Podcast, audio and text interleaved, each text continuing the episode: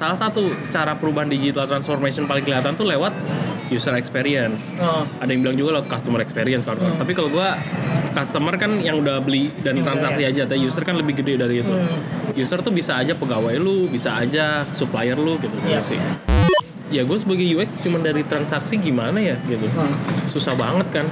Transaksi tuh cuman kayak ngasih tahu dia beli doang, nggak ngasih tahu dia lihat apa, nggak ngasih tahu dia selanjutnya ngapain. Hmm. gitu sih.